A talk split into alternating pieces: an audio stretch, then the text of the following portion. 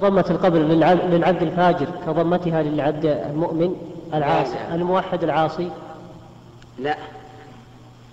آه، ضمة القبر للمؤمن إذا صح الحديث فيها فإنها ضمة رحمة وحنان كضم الأم الحنون ابنها إلى صدرها.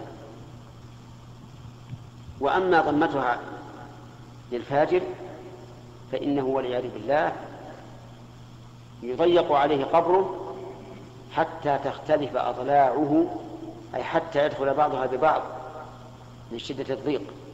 أعاذنا الله وإياكم من هذا. نعم.